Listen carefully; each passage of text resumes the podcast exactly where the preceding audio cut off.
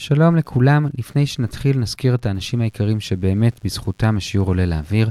השיעור היום מוקדש לעילוי נשמת משה גלעד בן בויום ועידה, זיכרונו לברכה, שיום הזיכרון שלו חל היום. נודה לכם אם תלמדו לעילוי נשמתו. להבדיל, השיעור גם מוקדש לרפואה שלמה ליצחק בן שמחה ולרפואה שלמה לענבל אסתר בת עופרה בתוך שאר חולי ישראל. נודה לכולכם אם תלמדו לרפואתם. ועכשיו, בואו נצא לדרך.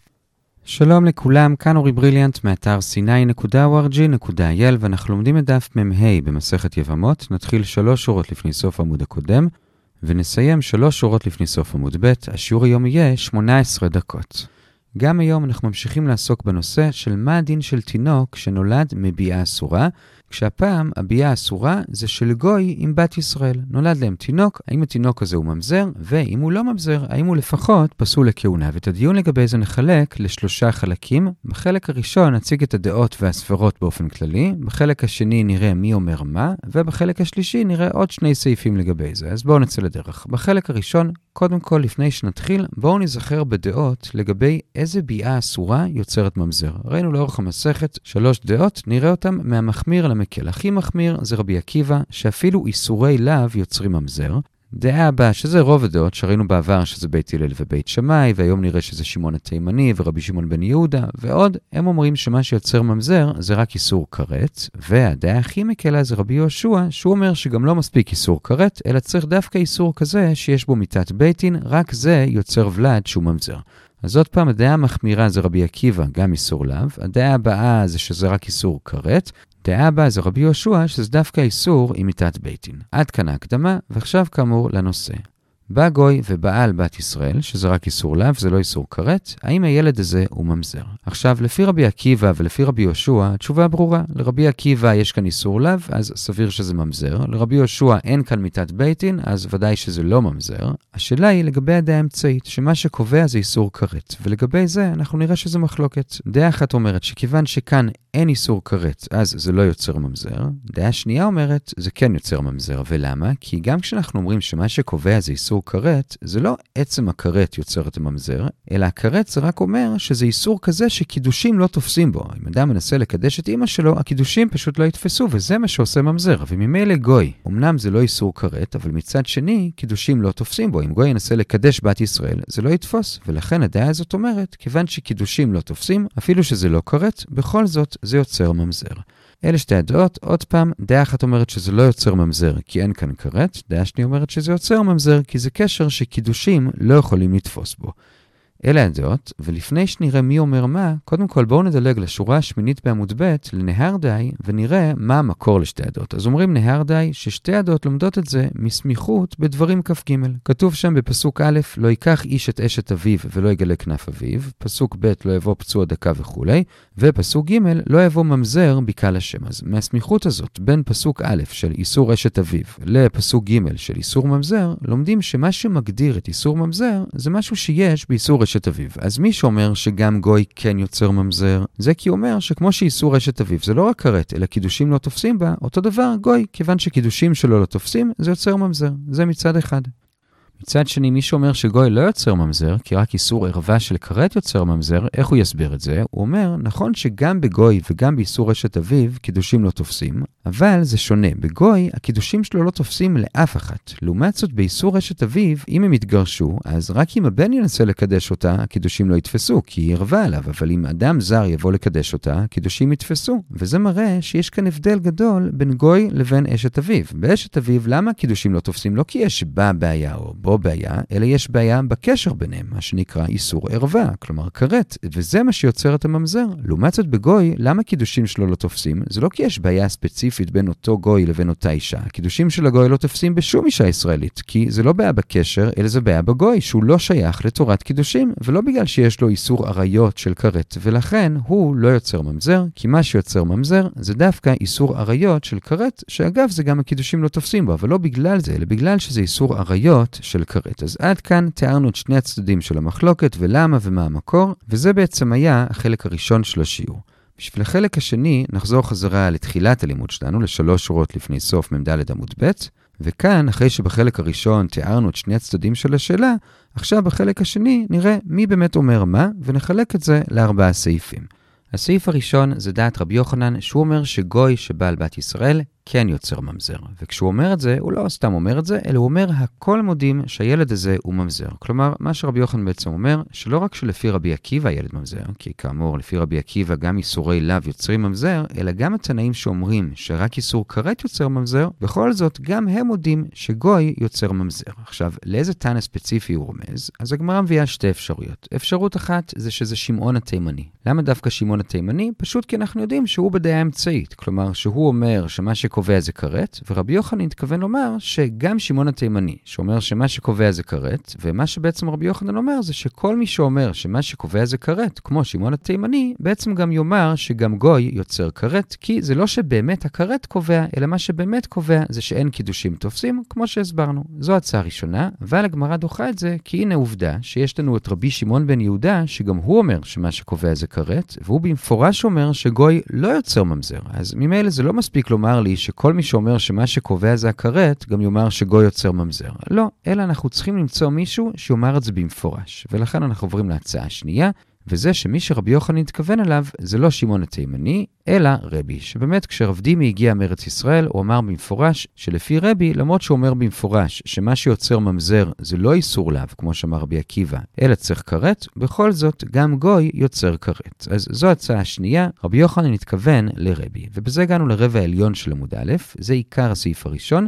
אבל בשביל להשלים את זה, נקפוץ לרגע לרבע התחתון של עמוד א', ונראה שמה שאמרנו הרגע, שלפי רבי גוי יוצר ממזר, בעצם זה מחלוקת. כי כאמור, רב דימי, כשהוא הגיע מארץ ישראל, הוא באמת אמר את זה, שלפי רבי גוי יוצר ממזר, וכאמור, רבי יוחנן גם סובר ככה, ולכן הוא אומר שכולם, כלומר גם רבי, מודים שגוי יוצר ממזר, אבל אומר אביי שכשרבין הגיע מארץ ישראל, הוא אמר שרבי לא אמר את זה, אלא אמר שגוי לא יוצר ממזר, כך שבעצם יש לנו מחלוקת מה דעת רבי, בכל אופן, דעת רבי יוחנן היא ברורה, גוי יוצר ממזר, ועד כאן הסעיף הראשון.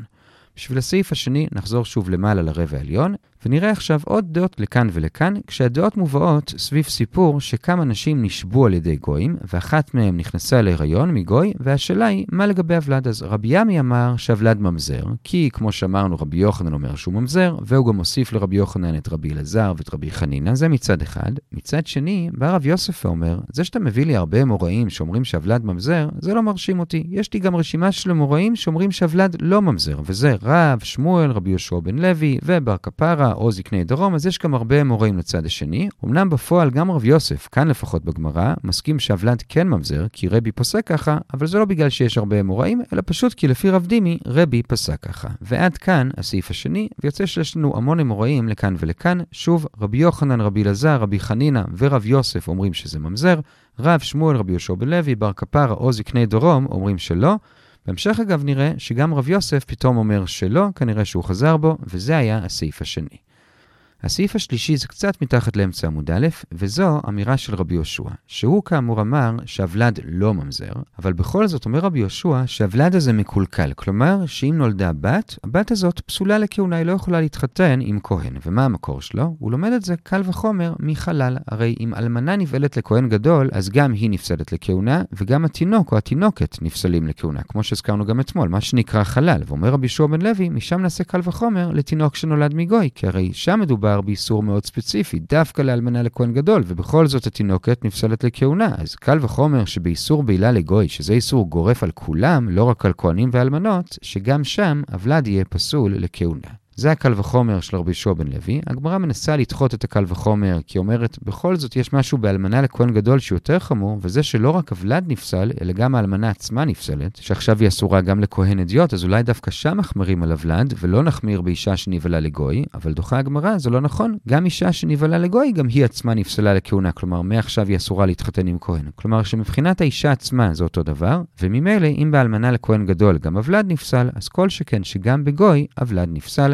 ועד כאן הסעיף השלישי, שוב, שגם מי שאומר, כמו רבי יהושע בן לוי עצמו, שתינוקת שנולדת מגוי היא לא ממזרת, מה שכן, היא נפסלת לכהונה.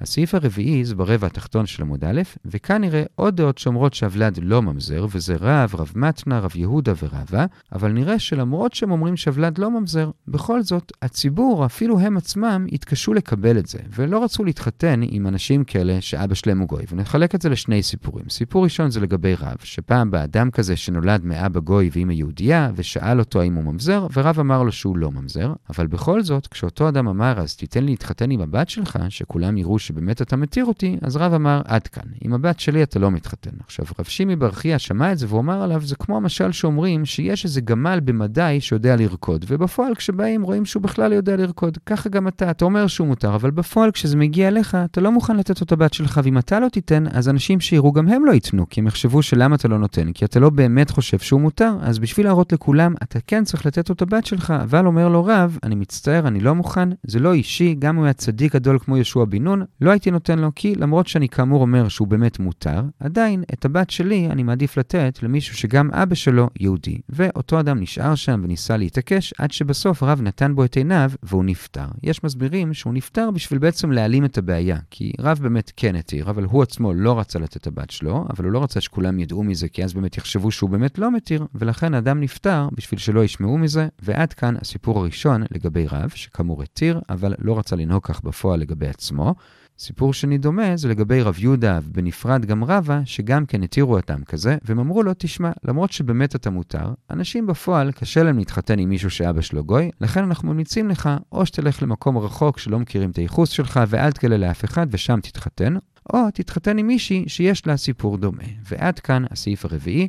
שוב ראינו עוד דעות שזה מותר, אבל בכל זאת לציבור זה היה קשה לקבל את זה, וראינו מה העצה. ועד כאן החלק השני של השיעור, ראינו את הדעות לכאן ולכאן. נסכם את הדעות, אז הדעות שאומרות שהוא כן ממזר. בתנאים זה רבי לפי רב דימי, וגם ראינו ברייתא ששם רבי שמעון בן יהודה אמר שלא, אבל יש שם תנא קמא שאומר שכן, זה בתנאים. באמוראים יש לנו את רבי יוחנן, רבי אלעזר ורבי חנינא, וגם רב יוסף בהתחלה שפסק כמו רבי, אבל בהמשך כאמור נראה שבסוף הוא פוסק כמו הצד השני. אלה הדעות שאומרות שהוא ממזר. הדעות שאומרות שהוא לא ממזר, זה רבי, לפי מה שאביי אמר, שרבין אמר, שהוא אומר שהוא לא ממזר, ורבי שמעון בן יהודה. ובאמוראים יש לנו הרבה, רב, שמואל, רבי יהושע בן לוי, בר כפרה, או זקני דרום, אביי שכאמור הביא את רבין, ורב מתנה, רב יהודה ורבא, ובהמשך כאמור נראה גם את רב יוסף, וגם נראה את רבא, ועד כאן הדעות לכאן ולכאן, וזה היה החלק השני של השיעור. החלק השלישי מתחיל בשורה השלישית לפני סוף עמוד א', וכאן נראה עוד שני סעיפים לגבי הנושא שלנו. הסעיף הראשון זה שעד עכשיו כשדיברנו על גוי שבא על בת ישראל, מדובר בגוי שהוא גוי שלם, כלומר הוא כולו גוי, כלומר המקרה הרגיל של גוי. אבל שאלו את רבא, מה יהיה הדין באדם שהוא רק חצי גוי? כלומר, היה עבד כנעני שהוא גוי שלם, וכידוע כשעבד כנעני משתחרר אז הוא בעצם הופך ליהודי, אבל העבד הזה היה עבד של שני שותפים יהודים, ויום אחד, אחד מהם היה נחמד ושחרר שחרר אותו, אבל השותף השני לא שחרר אותו, כך שנוצר מצב שכרגע לאדם הזה יש סוג של פיצול אישיות, כי מצד אחד הוא חצי עבד כנעני, כלומר עדיין חצי גוי, אבל מצד שני הוא גם חצי בן חורין, כלומר חצי יהודי. והשאלה היא, מה הדין אם אדם כזה בא על בת ישראל? האם הילד יהיה ממזר או לא? עכשיו, לפי מי שאומר שגוי עושה ממזר, אז גם כאן, אפילו שזה רק חצי גוי, גם החצי הזה עושה ממזר. זה ברור לגמרא. הנושא שלנו זה לפי הדעה השנייה, כלומר, רב יהודה וכל האמוראים שאיתו, שגוי לא עושה ממזר, האם חצי גוי עושה ממזר? עכשיו, אומר רבא, לכאורה, ברור שלא. אם גוי שלם לא עושה ממזר, ודאי שגם חצי גוי לא עושה ממזר. הבעיה היא שרב יהודה דווקא אמר במפורש, שלמרות שגוי שלם לא עושה ממזר, חצי גוי כן עושה ממזר. איך זה יכול להיות? עונה הגמרא, כי שם, כשרב יהודה דיבר על החצי גוי, הוא דיבר על מצב שהוא לא בא על פנויה, על רווקה, אלא על אשת איש, וזה מה שיצר את הממזרות. עכשיו, אשת איש של מי? אז כאן הגמרא מביאה שתי אפשרויות. אפשרות אחת מעניינת זה שהיא אשת איש שלו עצמו, של הגוי. כלומר, לפני שהוא בא אליה, הוא קודם כל קידש אותה. וזה יצר מצב מעניין שעכשיו לא רק שהוא חצי גוי חצי יהודי, אלא גם היא עכשיו סוג של חצי מקודשת, כי היא מקודשת לצד היהודי שבו. לצד הגוי לא יכולה להיות מקודשת, כי גוי לא יכול לקדש, אבל לצד היהודי שבו היא מקודשת. ואחרי שהוא קידש אותה, הוא גם בא אליה. ואומרת הגמרא שזה מה שיוצר את הממזרות. ולמה? כי אנחנו מסתכלים עליו כאילו שיש לו ממש פיצול אישיות, יש לו כאמור חצי יהודי וחצי גוי, וזה כאילו שני אנשים נפרדים. כך שיוצא שכשהוא בא על אותה אישה, אז כשהחצי כשחצי יהודי עשה את זה, זה בסדר גמור, היא אשתו, אבל כשחצי גוי עשה את זה, היא הרי לא אשתו, היא אשתו של החצי יהודי שבו, היא לא אשתו של החצי הגוי, גוי לא יכול לקדש, וממילא יוצא שהוא בעל אשת איש. אמנם אשת איש שלו עצמו, אבל לא באמת שלו עצמו, אלא של החצי היהודי שבו, וזה מה שעושה את הממזרות. כי למרות שרב יהודה וכל הדעות שאיתו אומרים שגוי שבעל בת ישראל הוא לא יוצר ממזר, זה דווקא כשהוא בעל פנויה. אבל אם גוי בעל אשת איש ישראלית, זה כבר כן יוצר ממזר.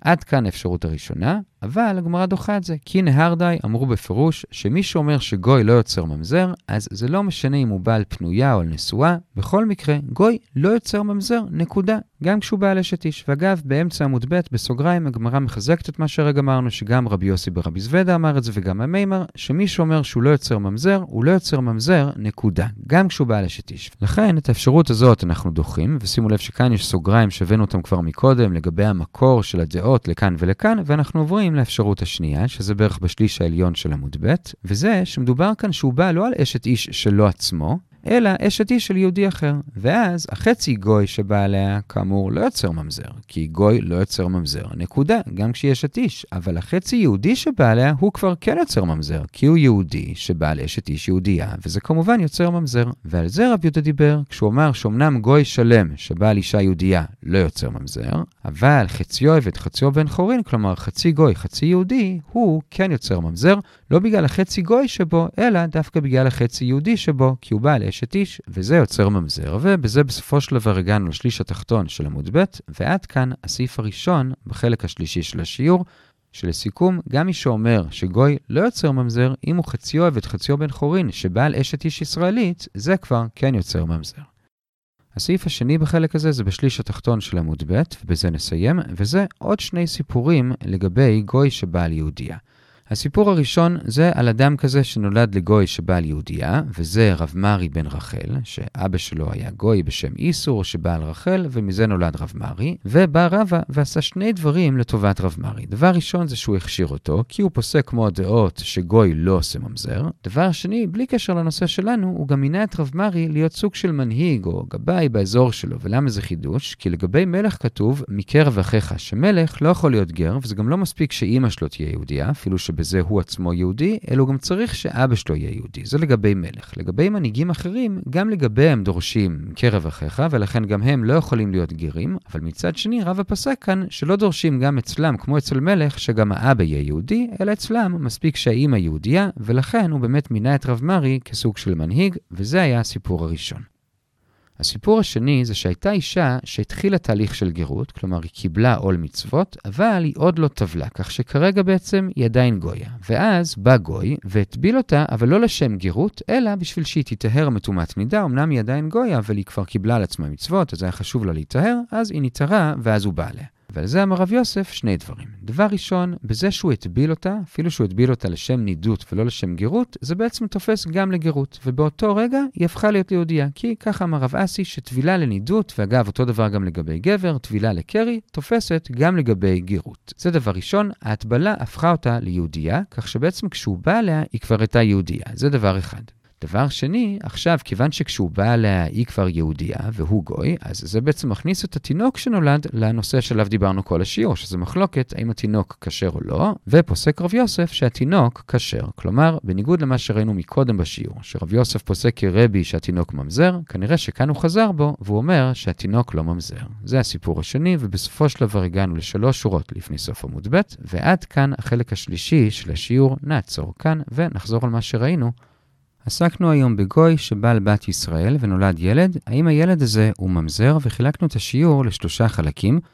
בחלק הראשון הצגנו את המחלוקת, אמרנו שלפי רבי עקיבא, שגם באיסורי לאו יש ממזר, אז ודאי שהוא ממזר. מצד שני, לפי רבי יהושע, שרק במיתת בית דין יש ממזר, אז ודאי שהוא לא ממזר. השאלה היא לגבי הדעות האמצעיות, שאומרות שמה שיוצר ממזר זה איסור כרת. ואז המחלוקת היא שמי שאומר שזה לא יוצר ממזר זה כי בגוי אין איסור כרת. אבל מי שאומר שזה כן יוצר ממזר זה כי אמנם אין איסור כרת, אבל קידושים לא תופסים, שזה בעצם העיקר של ההגדרה של כרת, שהקידושים לא תופסים, ולכן גם בגוי זה יוצר ממזר. אלה הדעות. הדעות, ראינו שהמקור למחלוקת זה מהסמיכות בין הפסוק של ממזר לבין הפסוק של איסור אשת אביו, וזה היה עיקר החלק הראשון.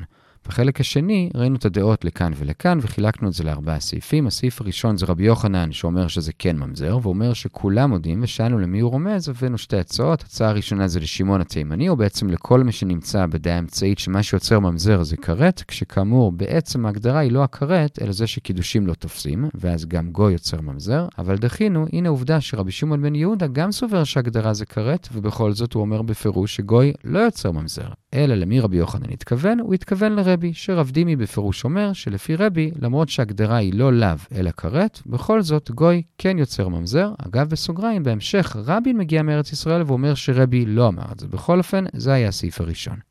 הסעיף השני היה אוסף של דעות לכאן ולכאן. מצד אחד, כאמור, רבי יוחנן אומר שזה יוצר ממזר, וגם רבי אלעזר ורבי חנינא. מצד שני, רב, שמואל, רבי ישוע בן לוי ובר כפרה או זקני דרום אומרים שזה לא יוצר ממזר. רבי יוסף, בשלב הזה לפחות, פוסק כמו הדעה הראשונה שיוצר ממזר, כי ככה רבי אמר, זה הסעיף השני.